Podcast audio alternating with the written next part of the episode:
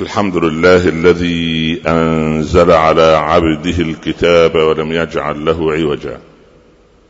سبحانه له دعوة الحق حرص عليها وأوجب التبشير بها ولتكن منكم أمة يدعون إلى الخير ويأمرون بالمعروف وينهون عن المنكر وأولئك هم المفلحون. وأشهد أن لا إله إلا الله وحده لا شريك له وضع الحجة وأتم المحجة ويأبى الله إلا أن يتم نوره ولو كره الكافرون. وأشهد أن سيدنا وحبيبنا محمدا رسول الله. بلغ الرسالة وأدى الأمانة ونصح الأمة وكشف الغمة. وجاهد في الله حق جهاده حتى أتاه اليقين. صل اللهم عليه وعلى آله وأصحابه وأزواجه وأتباعه الذين آمنوا ولم يلبسوا إيمانهم بظلم. أولئك لهم الأمن وهم مهتدون. أما بعد أيها الإخوة المسلمون رب العباد عز وجل أنشأنا واستعمرنا في هذه الأرض لنعمرها. وقال لنا قل من يرزقكم من السماء والأرض امن يملك السمع والأبصار ومن يخرج الحي من الميت ويخرج الميت من الحي ومن يدبر الأمر فسيقولون الله فقل أفلا تتقون. صدقت يا رب العباد فيما قلت. آية من سورة يونس كلما مررت بها تعجبت في أسئلتها الخمسة. خمسة أسئلة في هذه الآية لا تتعدى اسطرا ثلاثة. واخدة نصف سطر نصفي سطر وسطرين بينهما. ثلاثة أسطر خمسة أسئلة ترج الكون رجا وتهز القلب هزا.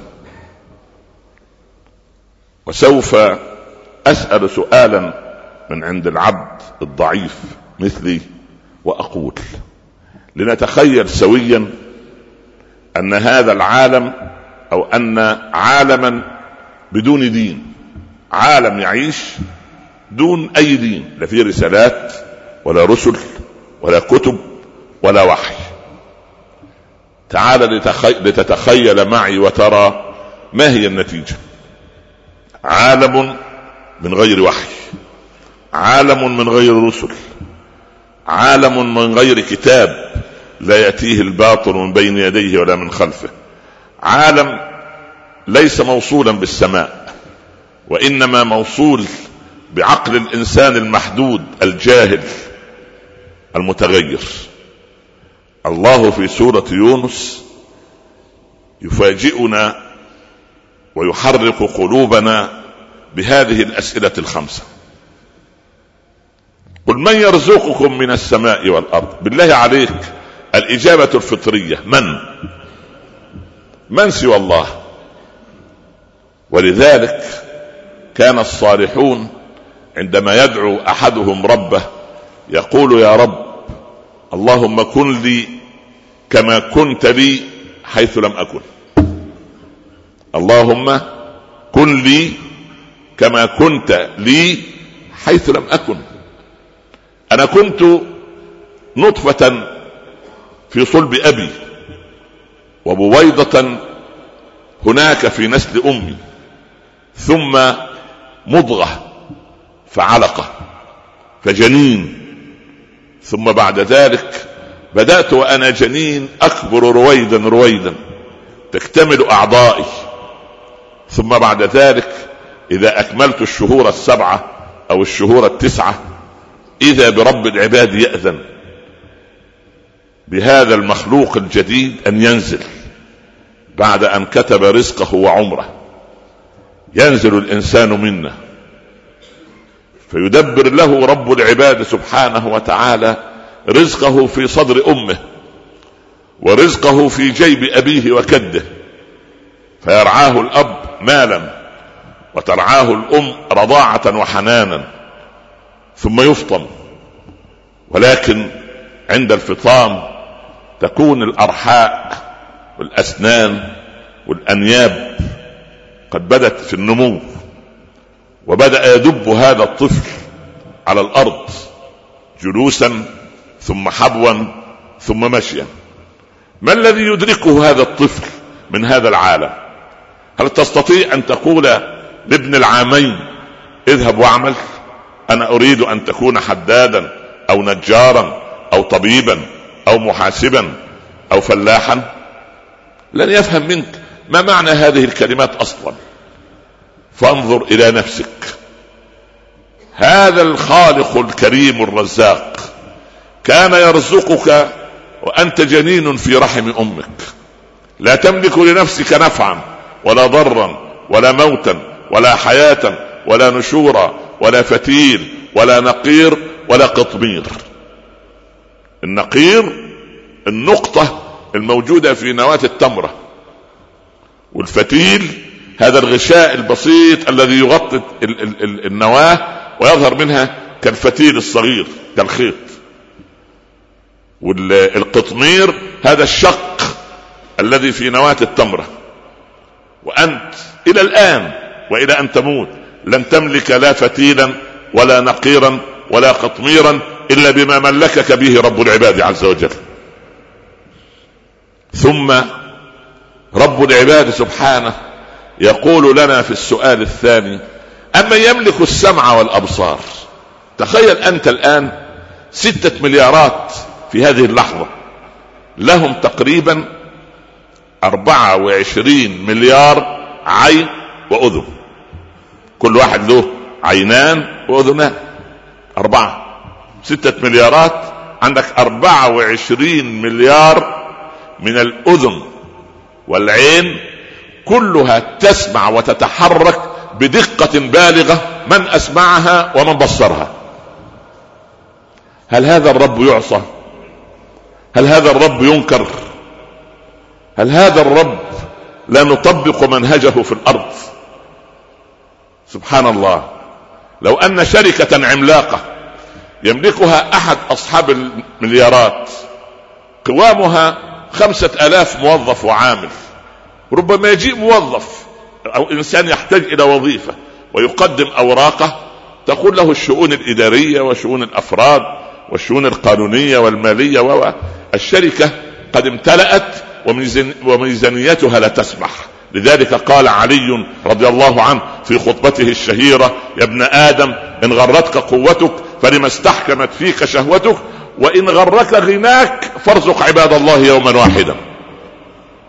هل يستطيع أحد أن يرزق الستة مليارات في وقت واحد؟ أنت يتمرد عليك ولدك ويعقك ويعبر الحواجز كلها. تطرده من بيتك. لن أنفق عليك. سأمنعك وأحرمك من الميراث. لن أعطيك شيئا. وأنت أب له. وهو جزء منك. ولكن ما تحملت عقوقه.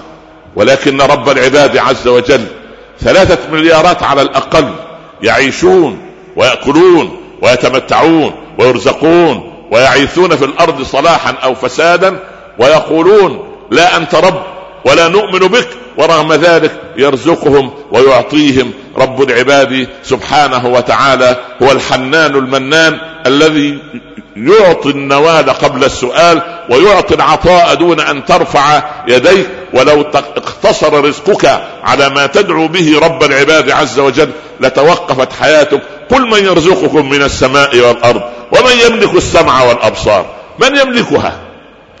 إذا ملكها رب العباد عز وجل هل تستطيع أنت وأنت موظف في شركة أو مؤسسة أن تعمل لنفسك راتب إضافي أو عمل إضافي دون الرجوع للمؤسسة؟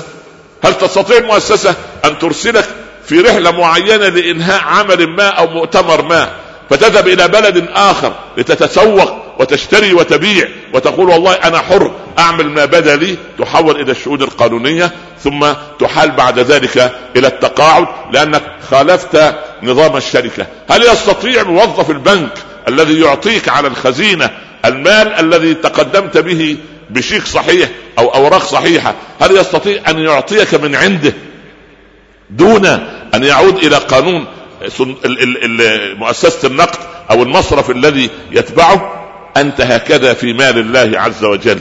أنت هكذا في نعم الله سبحانه وتعالى. رجل تركي في أيام الخلافة العثمانية كان اسمه خير الله أفندي حتى اسمه جميل. خير الله هذا رجل فقير.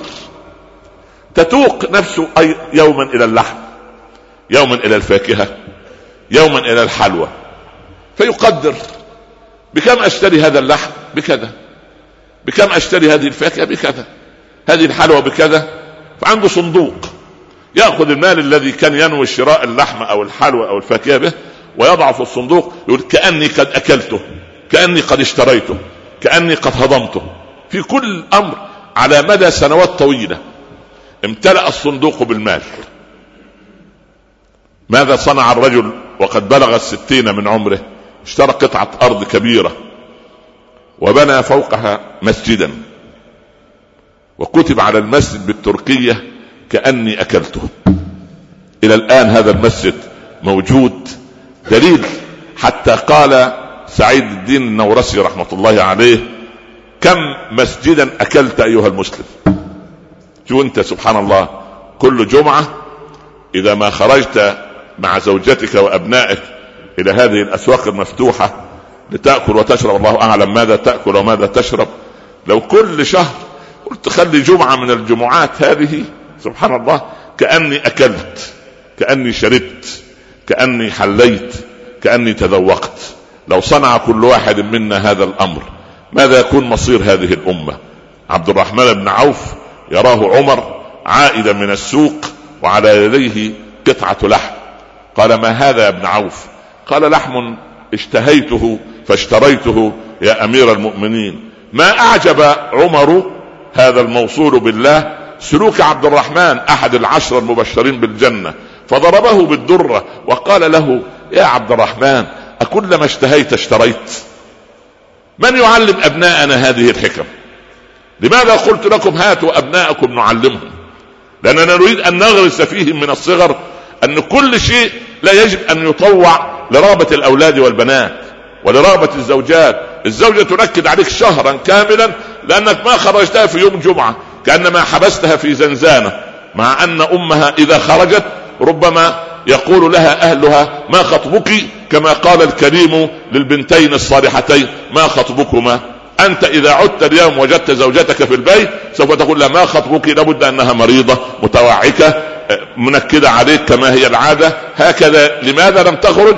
لأنها تشعر أن لا رغبة لها في الخروج. فكأن القاعدة أن تكون في الشارع والاستثناء أن تكون في البيت والله عز وجل خاطبهن وقرن في بيوتك في بيوتكن ولا تبرجن تبرج الجاهلية الأولى. وأطعنا الله وأقمنا الصلاة وآتينا الزكاة وأطعنا الله ورسوله. نحن نريد أن نربي بناتنا وأن نختار لأبنائنا البنات الصالحات ولبناتنا الأولاد الصالحين كي لا تكرر المأساة التي وقعت أنت فيها أو وقعت فيها زوجتك الصالحة عندما اقترنت بك هنا وهناك. الله عز وجل يقول لنا أمن يملك السمع والأبصار ومن يخرج الحي من الميت ومن يخرج ومن يخرج ويخرج الميت من الحي. إنه رب العباد عز وجل. تنزل إلى هذه الدنيا لا تملك شيء فيها سبحان الله. ثم تتوكل على رب العباد عز وجل. الإيمان يصنع المعجزات. عروة بن الزبير رضي الله عنه أخوه عبد الله بن الزبير أسرة عجيبة. والدهما الزبير بن العوام. أمهم أسماء بنت أبي بكر. جدتهم صفية بنت عبد المطلب عمة رسول الله صلى الله عليه وسلم. انظر للنسب اللي يشرف نسب عجيب. عروة لم يكن له في السياسة. عبد الله بن الزبير كان له في السياسة. هذه ملكات. عبد الله بن الزبير ما زلت أؤكد على الأطفال الذين لم يحضروا للمسجد. كان عنده ست سنوات. يلعب مع الصبيان في المدينة. مر أمير المؤمنين عمر. عمر كان له هيبة عجيبة. تقول كتب السير كان إذا سار مع الصحابة فتحين له التفاتة مفاجئة يقع الجميع من حوله هيبة منه رضي الله عنه. رأته المرأة الحامل فجأة في وجهها فأشهدت ما في بطنها. حتى صعد المنبر لما بلغ قال أيها المسلمون إن أميركم عمر يسير في الطريق فجاء امرأة حاملا بلغني أنها اجهضت ما في بطنها خوفا منه. هل علي غرة؟ هل في دية علي؟ لتسببي في قتل ما في بطن المرأة الحامل؟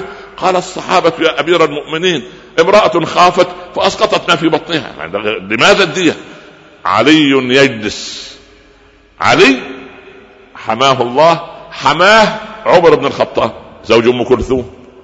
لم يقل أن في نسب في مصاهرة. يا عم ده أمير المؤمنين مرر هذه القضية. نص قال يا أمير المؤمنين إن كانوا قد نصحوك فقد غشوك ويوم القيامة لن ينفعوك. عليك عشر غرة عشر دية فأنفق عمر عشرا من الإبل كفارة لأنه أخاف المرأة فاسقطت ما في في بطنها. فتخيل أنت عمر يمر والأطفال يلعبون. أول ما شافوا أمير المؤمنين انطلق كل واحد منهم إلى مخبأه إلا طفلا صغيرا وقف. ينظر إلى عمر هذا الرجل العملاق الضخم الذي فيه هيبة الصالحين القانتين. فركع عمر جثى على ركبتيه. هذا أسلوب الكبار. لا يتكبر إلا حقير. درست سير الطغاة في العالم الغربي والعربي. وجدت أن كل طاغية له طفولة بائسة. هتلر هذا كان إنسان معقد في صغره. كان أمه وهو عنده ثلاثة عشر عاما يضربها الرجل اليهودي الذي يعمل في قرية في ريف النمسا. سبحان الله عندما تكسر آه، يعني صحنا أو كوبا أو تؤثر في شيء فصعد يكره ويخاف وكان يغلق عليه آه، زوج أمه بعد ذلك الغرفة فكان يخاف من الأماكن الضيقة حتى إنه لم يحتمل أن يمكث في الخندق طويلا إبان نهاية الحرب العالمية الثانية وكانت نهايته الانتحار تبحث عن أي إنسان في التاريخ ستالين موسوليني فرانكو سبحان الله الحجاج آه، كل هؤلاء طفولة بائسة. ولا أريد أن يكون طفلك بائسا لكي لا يخرج فيه طغيان أبيه وطغيان أمه. نريد ان الطغيان يتبخر من بيوتنا ومن مجتمعاتنا لأننا مسلمين عبادا لله رب العالمين لأن عند غياب الدين عند غياب الإيمان لا تنتظر خيرا ابدا. جثى عمر على ركبتيه. قال يا بني ما الذي لم يدعك إلى الهرب أو إلى ال ال ال ال الانصراف مع من انصرف؟ الولد عنده ست سنوات. يقول له يا أمير المؤمنين ليست الطريق ضيقة حتى أوسعها لك ولست جانيا حتى أخاف منك. يا الله. تبسم عمر للباقة الطفل وفصاحة الطفل. من أنت؟ ما اسمك؟ قال اسمي عبد الله بن الزبير. قال ابن العوام؟ قال بلى. قبل عمر يد الصبي ورأسه ودعا له بالبركة. كبر عبد الله فيه جينات أمه. أم أسماء ذرية بعضها من بعض. وانت تروح تتزوج واحدة عشان شكلها جميل. عامل زي بتوع حوريات هوليود ولا غيره اللي تتصورهم انت انهم ولا لا حوريات ولا غيره. كلهم نجاسة والعياذ بالله وفسق وفجور. فتروح تزوجها لجمالها وتذيقك من تزوجها لجمالها. أذله الله. ومن تزوجها لمالها أفقره الله. ومن تزوجها لدينها أعزه الله. فاظفر بذات الدين تربت يداه أسماء كان عندها 13 سنة. يوم أن هاجر أبوها بصحبة خير البرية صلى الله عليه وسلم. الإيمان يصنع المعجزات بدون إيمان لن نعيش ونعيش في نكد وهم كما نعيش الآن. سبحان الله جاء أبو جهل فتحت أسماء الباب. أبو جهل هذا جبار الجاهلية فرعون الأمة. أين أبوك؟ قالت لا أعلم. فما كان من عمرو بن هشام إلا أن لطمها على وجهها فسال الدم من أنفها. ماذا تقول أسماء؟ يعني اللي في الصف السادس أو الصف السابع الأولي. تقول له عندما لم تقدر على الرجال تضرب النساء هل هذه من مروءة العرب؟ شوف 16 سنة بعد 98 سنة من هذه الحادثة بالضبط 98 سنة كان عند أسماء 110 سنة. 110 لما علق الحجاج ولدها عبد الله بن الزبير اللي وقف لعمر الله يرضى عليه سبحان الله. فلما وقفت للحجاج ودخل عليها من قبل ولدها لما حوصر داخل الكعبة فقام الحجاج بحرق الكعبة. فدخل عبد الله بعد أن أذن لمن حوله أن ينصرفوا. قال يا أماه أخشى إن قتلني الحجاج أن يمثل بجثتي فأكون عاقا لك لأنني سوف أدخل الحزن على قلبك. أنا أريد أن يسمع أبناؤنا هذا القصص. لا يسمع قصة اللاعب الخيبان الذي ما قص شعره من من من, من عشرين عام وما وتسبح فيه كل أنواع الهوام والحشرات ورغم ذلك أصبح قدوة.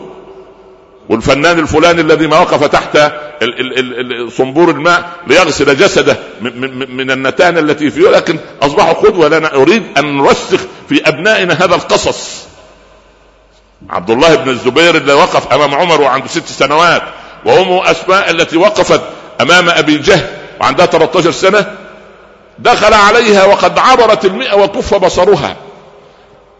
قال يا أمة أخشى أن أكون عاق أنك تغضبي وتحزني علي عندما يمثل الحجاج بن لأنه رجل ليس عنده مروءة.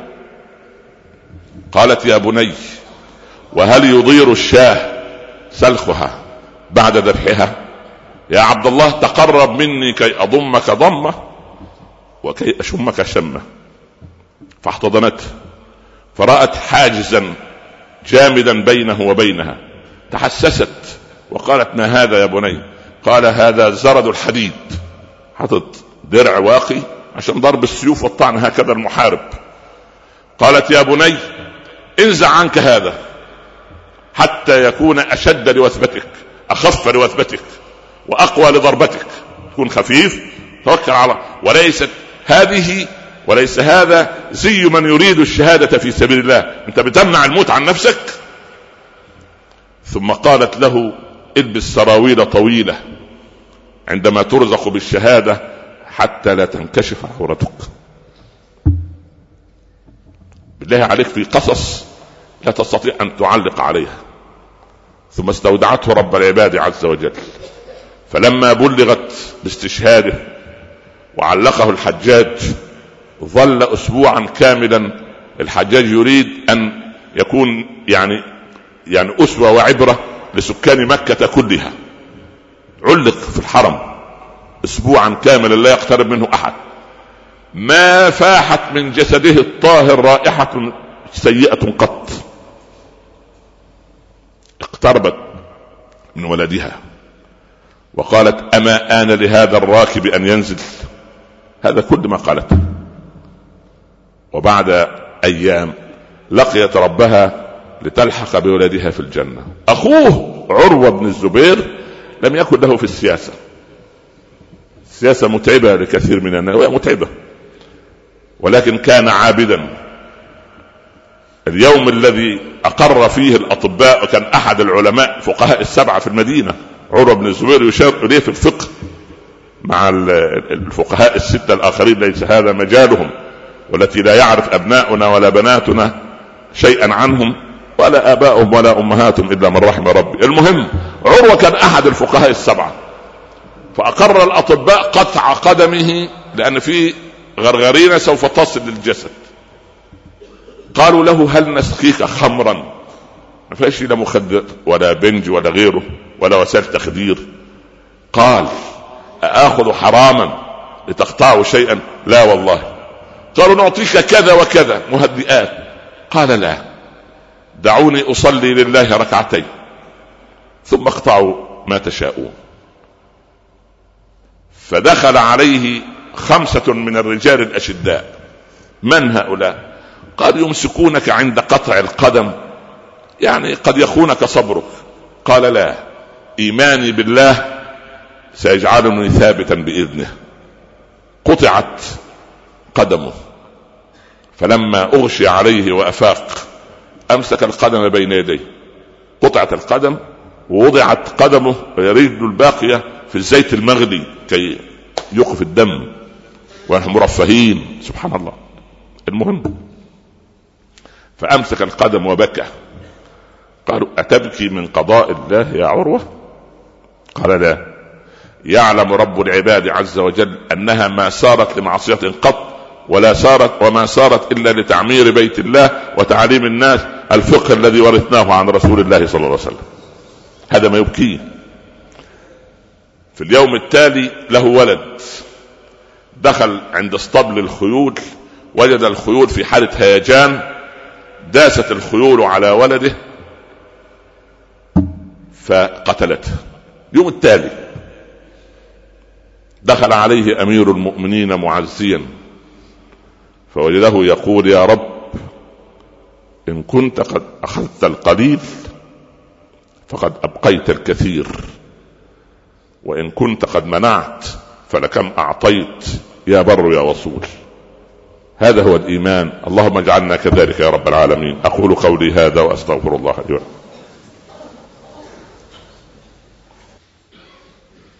أحمد الله رب العالمين. وأصلي وأسلم على سيدنا رسول الله صلى الله عليه وسلم. وبعد. كلما أضاء الإيمان في قلبك فاعلم أن الله يحبك. وإذا كنت مؤمنا بحق صارت الدنيا أمامك لا قيمة لها إنما في قيمتها الحقيقية بتعميرها بالثبات عند الابتلاءات وعند المصائب. انظر إلى الذين تبخر الإيمان من قلوبهم عند الورطة وعند الأزمة. ماذا يصنعون؟ لا يملكون إلا الاكتئاب وضيق الصدر والانتحار والتخلص من الدنيا. أما أنت فاعلم أن شعار الصالحين هو أن تصنع الخير. كان الصحابة الإيمان ملء قلوبهم. أنس رضي الله عنه ابن مالك تأتي أمه أم سليم تشكو لرسول الله صلى الله عليه وسلم منه. مما مما تشكو. أنس يأبى أن يأكل معي في طبق واحد. فيتعجب النبي صلى الله عليه وسلم. سائلا أنس لما لا تأكل وتطعم مع أمك يا أنس.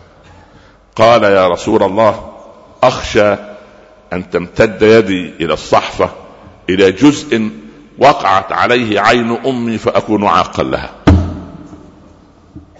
أي ولد هذا؟ كان له من العمر خمسة عشر عاما 15 سنة وجاء أم سليم أبو طلحة. أبو طلحة رجل مشهور بالمدينة من من البيوتات. طالبا يد أم سليم. فقالت له يا أبا طلحة انظر إلى المرأة العاقلة الذكية المليئة إيمان. مثلك لا يرد. مش ممكن حد يرد واحد زيك. ولكن تعلم أنك رجل مشرك. تعبد غير الله. إن أسلمت تزوجتك. رجع الرجل إلى بيته فأعلن إسلامه وصار من الصحابة وجاء خاطبا وقالت يا أنس زوجه لأن أنس وليها عنده 15 سنة يعني سبحان الله بهذا الإيمان وهذا اليقين. زوجه يا أنس قالت كتب السير كان أغلى مهر في التاريخ وأعظم مهر في التاريخ هو مهر أم سليم أبت إلا أن يكون مهرها أن يسلم الكافر فيدخل في دين الله عز وجل. أحبتي في الله الإيمان يصنع المعجزات ولا قيمة لنا في هذا الكون إلا بالإيمان الحقيقي الذي يتحول إلى يعني منظومة عمل. ينظر إلينا العالم مرة أخرى كما كان ابن طولون حاكم مصر يأتي في أول يوم في رمضان ويجمع الوجهاء والأمراء وعلية القوم والفقراء على مائدة طويلة في قصره ثم يخطب بعد الإفطار فيهم خطبة من كلمتين. يقول أيها الوجهاء أيها الأغنياء أيها الأثرياء ما جمعتكم مع إخوانكم اليوم إلا لأن تكون سنة حسنة تصنعها أنتم كل يوم في قصوركم وبيوتكم وظهرت بذلك موائد الرحمن في مصر وفي العالم الإسلامي من صنيعة هذا الرجل الحاكم الصالح. فاصنعوا خيرا في الحياة يصنع لكم الخير. اللهم أصلح لنا ديننا الذي هو عصمة أمرنا. وأصلح لنا دنيانا التي فيها معاشنا. وأصلح لنا آخرتنا التي إليها معادنا. اللهم اجعل الحياة زيادة لنا في كل خير. واجعل الموت راحة لنا من كل شر. أكرمنا ولا تهنا أعطنا ولا تحرمنا زدنا ولا تنقصنا كلنا ولا تكن علينا. زوج بناتنا بالأزواج الصالحين وارزق أبناءنا بالزوجات الصالحات.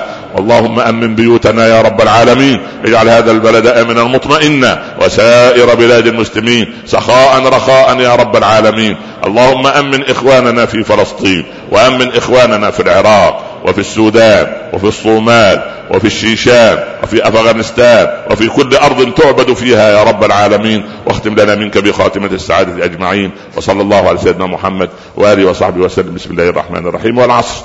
إن الإنسان لفي خسر إلا الذين آمنوا وعملوا الصالحات وتواصوا بالحق وتواصوا بالصبر. صدق الله ومن أصدق من الله قيلا. إن شاء الله نكمل حديثنا بعد الصلاة إن شاء الله. نتواصل في درس الاثنين بعد صلاة العشاء هنا في المسجد. ولكن أعتذر منكم الجمعة القادمة إن شاء الله. وقوموا إلى صلاتكم يرحمكم الله وأقيموا الصلاة. أحمد الله رب العالمين. وأصلي وأسلم على سيدنا رسول الله صلى الله عليه وسلم وبعد. يعني كان من الواجب لا داعي للدرس بعد هذه الخطبة. ليس لأنها يعني موفية ولكن لما فيها من معاني أريد الا تنسى. لكن عشان الفائدة تكمل وهذه عادة بفضل الله تعودتها منذ سنوات طويلة ما يقرب من أربعين سنة لابد من درس بسيط بعد الخطبة يثبت معانيها. ما زال السؤال مطروحا. لنتخيل عالما بدون إيمان. ما الذي يجعل ولدك برا بك. إنه الإيمان الغربي مجرد الولد يبلغ ستة عشر عاما أو البنت يترك البيت. سيب البيت. ليه؟ مفيش صلة. يعني يستطيع أن يتوافق مع أبيه وأمه بها. مفيش دين. إذا بكى الولد عنده ست أو سبع سنوات تتلصص أجهزة الشرطة على بيتك. هذا للذين عاشوا في الغرب ويعرفون. ويسأل الولد هل ضربك أبوك؟ هل هددتك أمك؟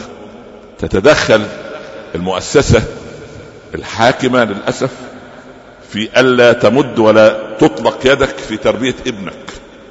فلما الولد يكبر لا سيطرة لك عليه. هذا عالم بدون بدون دين. لكن من كرم الله عز وجل أحيانا تتقطع الصلاه بينك وبين ابنك في سن البلوغ أو سن المرحلة الجامعية فتلجأ إلى عمه قريب منه إلى خاله إلى أخيه الأكبر إلى خالته إلى عمته إلى معلمه. سبحان الله العائلات تتواصل ما زال الخير في أمة محمد صلى الله عليه وسلم. لأن الإيمان هو الوحيد الذي يضبط إيقاع العربي. العربي دون دين حيوان أعجب. شيل الدين من عند العرب. هكذا قال ابن خلدون. ومن أنتم أهل ثقافة وعلم. خلدون يقول إن العربي لا تصح إلا رسالة فإن نزعت الرسالة من العربي صار حيوانا أعجب.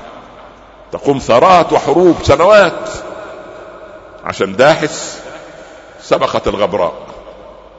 داحس والغبراء كان فرستين لأميرين. فكان كل مرة الغبراء تنتصر. كل مرة الغبراء تنتصر. فيعملوا إيه؟ القبيلة بتشعر بالعار. ان ان أن يعني خيلها في السبق بيهزم. فرصد صاحب داحس بعضا من الناس خلف تلة خلف هضبة وألقوا الرمل في وجه داء في وجه الغبراء ف يعني إلى أن نفضت عينيها من الغبار والأتربة كانت سبقتها وبعدين انكشف الأمر وقامت الحرب بين القبيلتين عشر سنوات. قتل فيها ثلاثة آلاف من الطرفين. ليه؟ من غير دين. البسوس قامت الحرب أربعين سنة. ليه؟ عشان ناقة السيدة البسوس لا رضي الله عنها كانت في الجاهلية يعني راحت عند تزور ابن أختها. كليب. آه، معاها ابن أختها جساس ابن مرة. راح تزور بنت أختها اسمها جليلة بنت مرة. فلما أخذ السيد جساس هذا خالته وذهب لزيارة أخته أخته متزوجة كليب. كليب هذا يسمى حامل حمى. من أول من حمل حمى يعني حمل حمى عنده أعزكم الله شوية كلاب. الكلاب تنبح. آخر نباح للكلاب بصدى الصوت هذا ملك كليب. ما بيبيعوش الآن كلاب بهذا الشكل عشان سبحان الله. لا أنت ولا يعني الكلب ولا صاحب الكلب ولا ابن الحلال. ما فيش الآن غير موجود الكلام.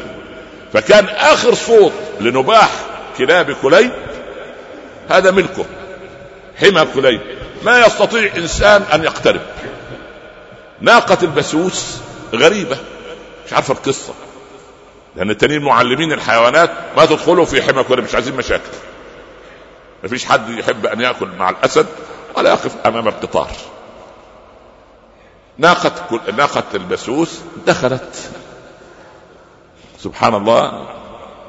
في حمى كليب. كليب ماشي لقي ناقة غريبة ويعرف نوقه. عنده آلاف من النوق لكن يعرف. ناقة من هذه؟ ناقة البسوس دي خالت زوجته. يعني مش غريبة. يعني الحكاية من بعضها يعني. فوق نحوها سهما. لأن كليبة كان يقوم من النوم يقول اليوم يوم الرضا لن أقتل أحدا. اليوم الثاني يقول اليوم يوم الغضب لازم أقتل أحد. فنيجي الناقة يفرغ فيها شحنة الغضب؟ أنت كل يوم جاي غضبان أنت من, من حد معين. ليه مش عارف طب خلاه يوم ويوم. ما علينا. تهدئة النفوس واجب المهم. ففوق دخلت ناقة البسوس عليها يشخب ضرعها لبنا. خبر أبيض. أول ما البسوس شافت الناقة هي برضه من نفس العينة يعني مش كلنا إحنا في مسجد سلطان بن أهل لا ده كله والعياذ بالله في البيئة العربية التي بدون دين. كارثه من الذي جرح أصل جرح الناقة ده يخص شرف القبيلة. بالك أنت؟ في أنا اعرف قبائل عربية كان عندنا في الصعيد يعني ما ليس غريبا من ما فيش أقل من قرن. لو واحد اعزكم قتل حمار بتاع عائلة فلان يروحوا يشوفوا أعظم واحد في العيلة الثانية ويقتلوه لأن قتل الحمار هو شرف للعيلة كلها. يعني سبحان شرف العيلة مرتبط ب وأنا أرفض هذا الكلام كله. المهم يعني ما علينا. أنا بحاول أخفف مش عارف. المهم ما علينا. إن شاء الله يمكن يوم الاثنين أكون هديت معكم شوية إن شاء الله بإذن الله. المهم من قال كليب؟ كليب ده زوج بنت أختها اللي قاعدة قدامها فنادت على من؟ على جساس. يا جساس هي وراء الستر. نعم يا خالة. خبر أبيض بتستنى ضيمة خالتك. يا خبر أبيض ضيمة خالتك. خالته وقع عليها إيه؟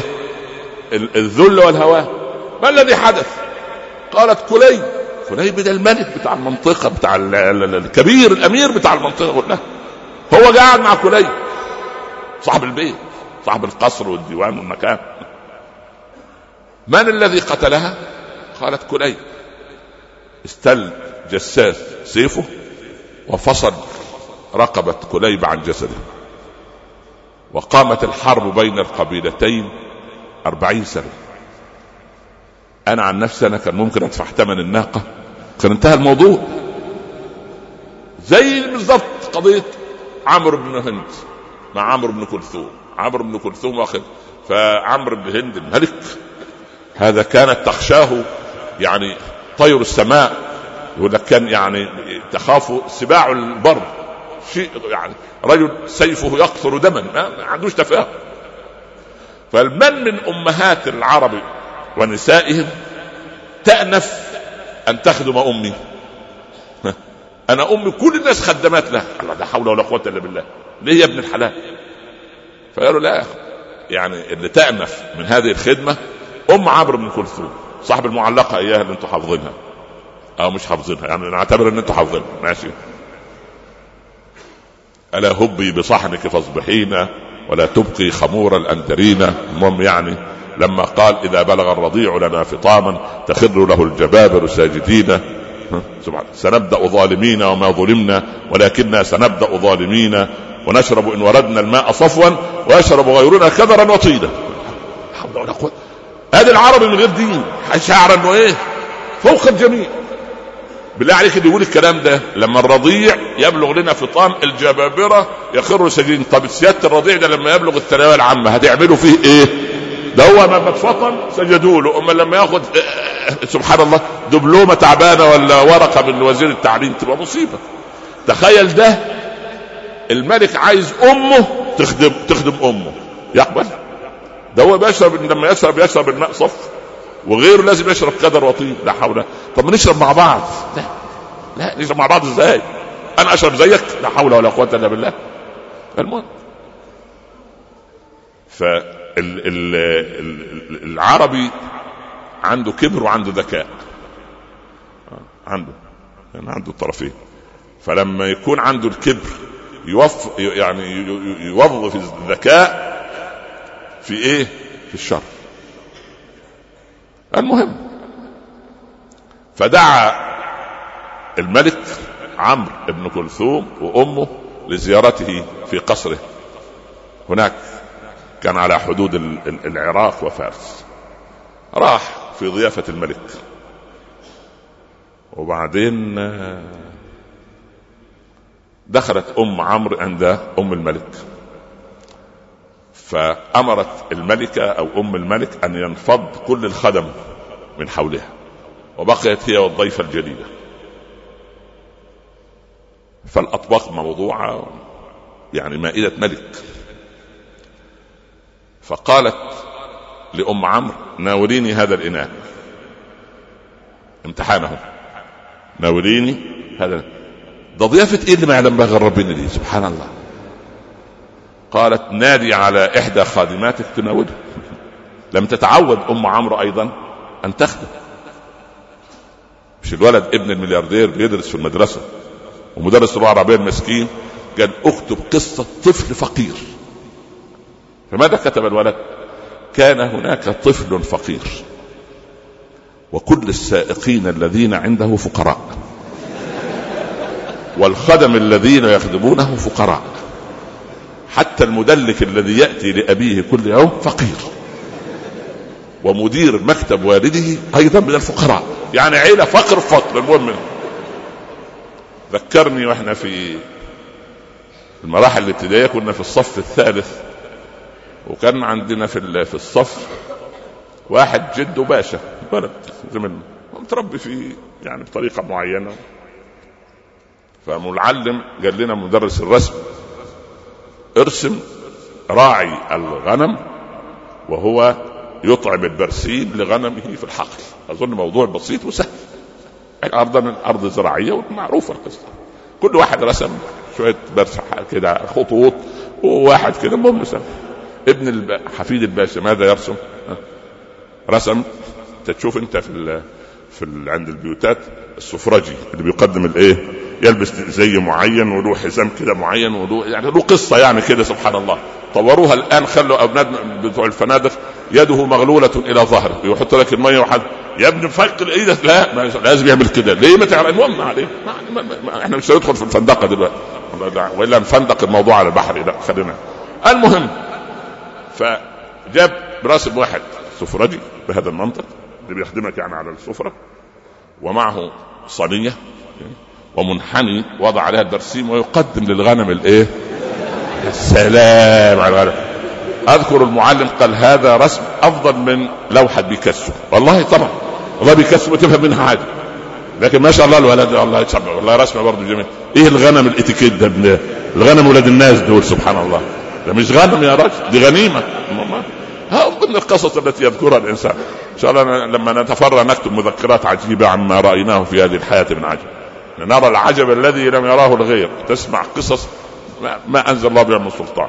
فض مشكلة بين أحد وزراء وزير عربي مسلم. بينه وبين زوجته. هم مشاكل برضه هتفكر مش مشاكل. إيه القضية؟ بنفض مشكلة هرة.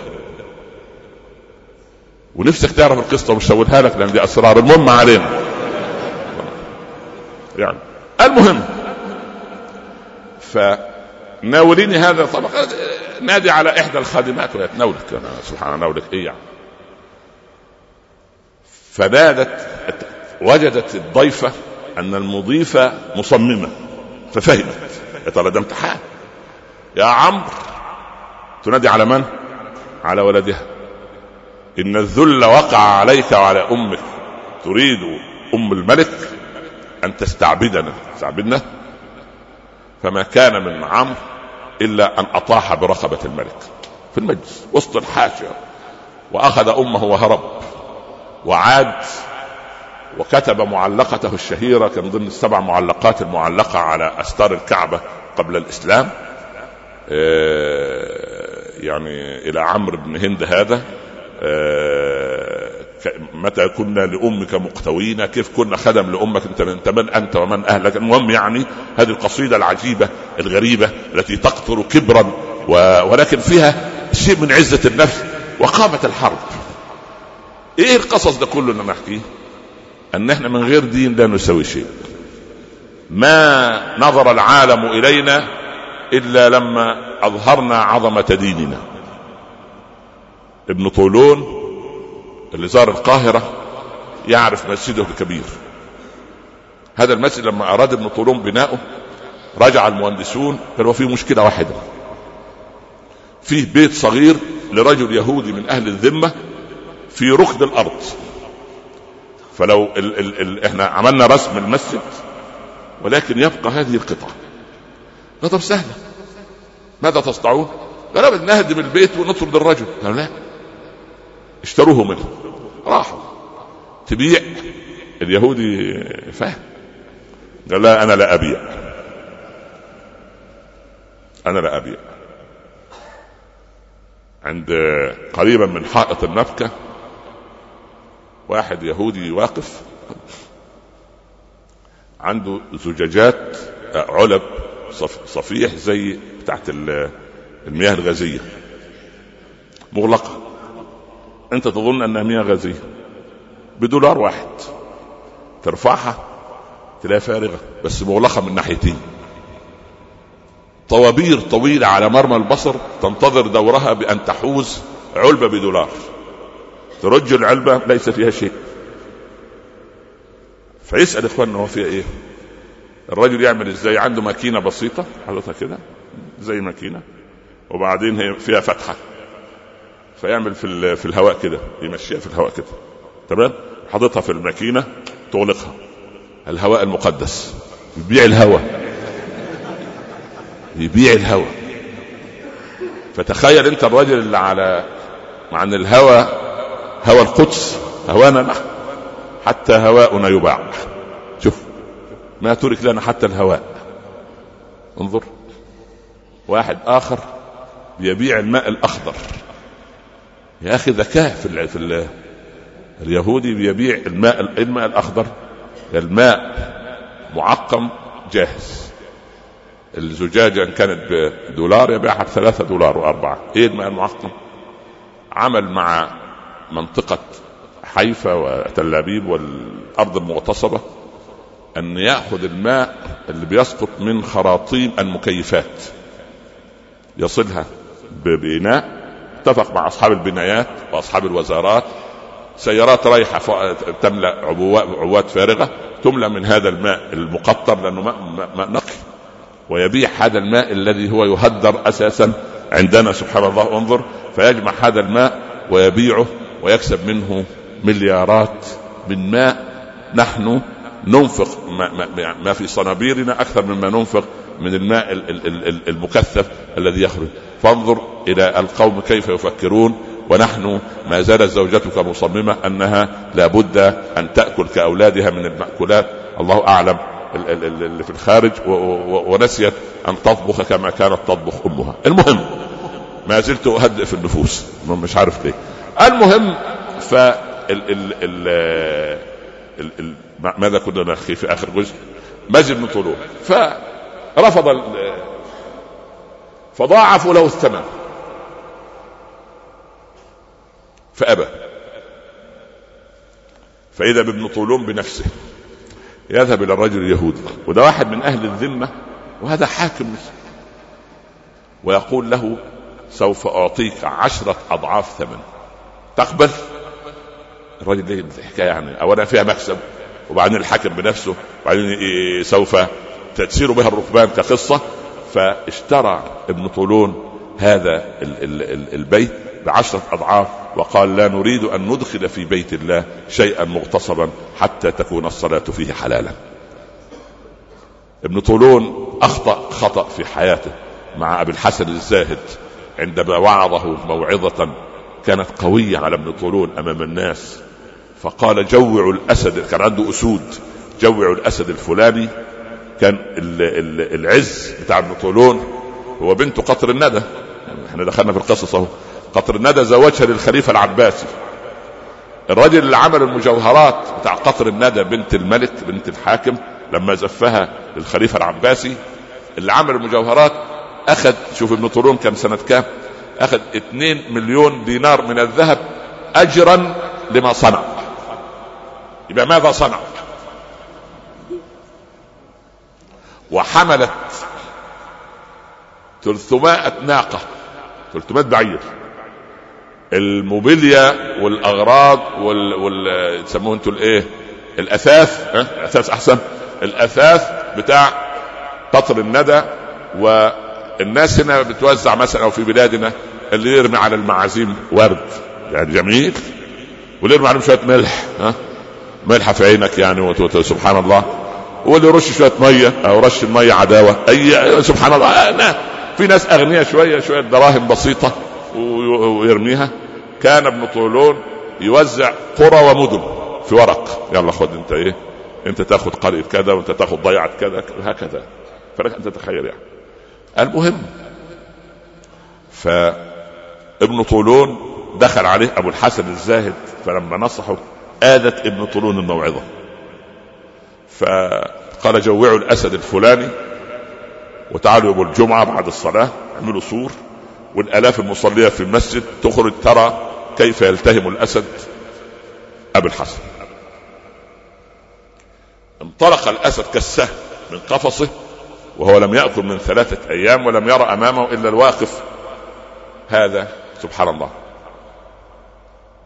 كان أبو الحسن يصلي. وجاي في الأصفاد ما سمع خطبة الجمعة وقف يصلي الظهر. الأسد اندفع اندفاع رهيب وجاء عند أقدام أبي الحسن وجثى. وأصبح يبصبص ذيله يبصبص يعني يحرك. فأنت لما تمشي في المول وتبصبص أنت حر. هذه في اللغة. هذه في اللغة. عايز تنتقل إلى شيء ثاني الله يرضى عليك أنا عايزك يعني تلتزم الأدب. المهم غض البصر جميل من غض بصره أطلق الله بصيرته. عدم فهم القرآن من إطلاق البصر. عدم حفظ القرآن من إطلاق البصر. النكد اللي بينك وبين زوجتك من إطلاق النظر نسأل الله أن يغض أبصارنا عن المحارم وعن عيوب الناس. لأن في ناس تغض البصر عن المحارم ولكن لا تغض عيونها عن عيوب الناس. المهم فاستسلم الأسد بجوار أبو الحسن سلم أبو الحسن.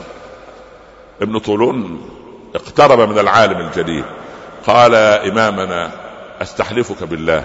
فيما كنت تفكر والأسد قادم عليك. قال طالما استحلفتني والله كنت أفكر. سؤره لعاب يعني طاهر أم نجس؟ هكذا يصنع الإيمان.